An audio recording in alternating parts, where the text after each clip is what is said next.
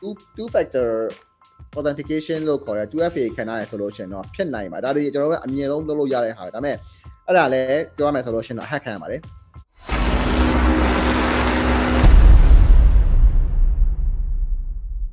မိထားတာမင်္ဂလာပါကွယ်လက်ခင်ဗျာတဲ့ Facebook page ကို security အမြင့်ဆုံးဘယ်လိုထားလို့ရလဲကိုယ့်ရဲ့ page ကိုယ့်ရဲ့ account hack ခံရတာမှာ page ပါမတော့အောင်လုပ်လို့ရလားဆိုတော့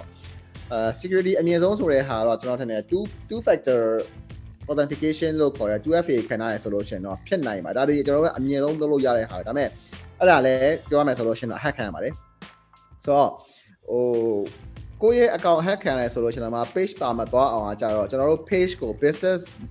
အာ suite business manager နဲ့ချိန်ထားရဲဆိုလို့ရှိရင်ကတော့ account ကို hack ရင်တော့မှ business manager ကို hack တာမဟုတ်တဲ့အတွက်ကြောင့်တော့ကျွန်တော်တို့ကကြံခဲ့နိုင်ပါတယ်အဲ business manager မှာလည်းဟို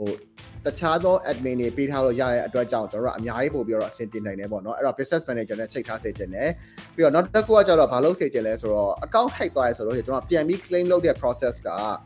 Facebook ဒီအဲ့ဒီ account ကိုကျွန်တော်တို့ကပိုင်ပါတယ်ဆိုတော့အဲ့ဒီ business ကိုကျွန်တော်တို့ကပိုင်ပါတယ်ဆိုတဲ့ဟာမျိုးကျွန်တော်ကပြရတယ်အဲ့လိုပြရဲဆိုလို့ကျွန်တော်ကဘာလိုအပ်လဲဆိုတော့လေပြောရရင် government document လိုတယ်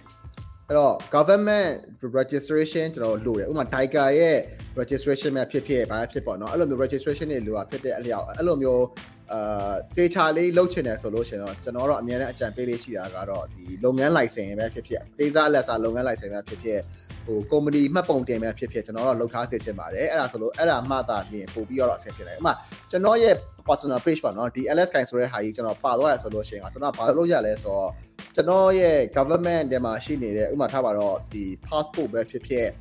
အဲဒါမှမဟုတ်လို့ရှိရင်အဲကျွန်တော်ဘယ်လိုခေါ်မလဲမှတ်ပုံတင်ပဲဖြစ်ဖြစ် driving license ပဲဖြစ်ဖြစ်ကျွန်တော် original ကိုအဲပြနိုင်ရဆိုလို့ရှိရင်က Facebook ကပြန်ပြီးပေးလေးရှိပါတယ်ဆိုတော့အဲ့ဒီနီးနဲ့ကျွန်တော်တို့ပြန်ပြီး claim ပါတယ် okay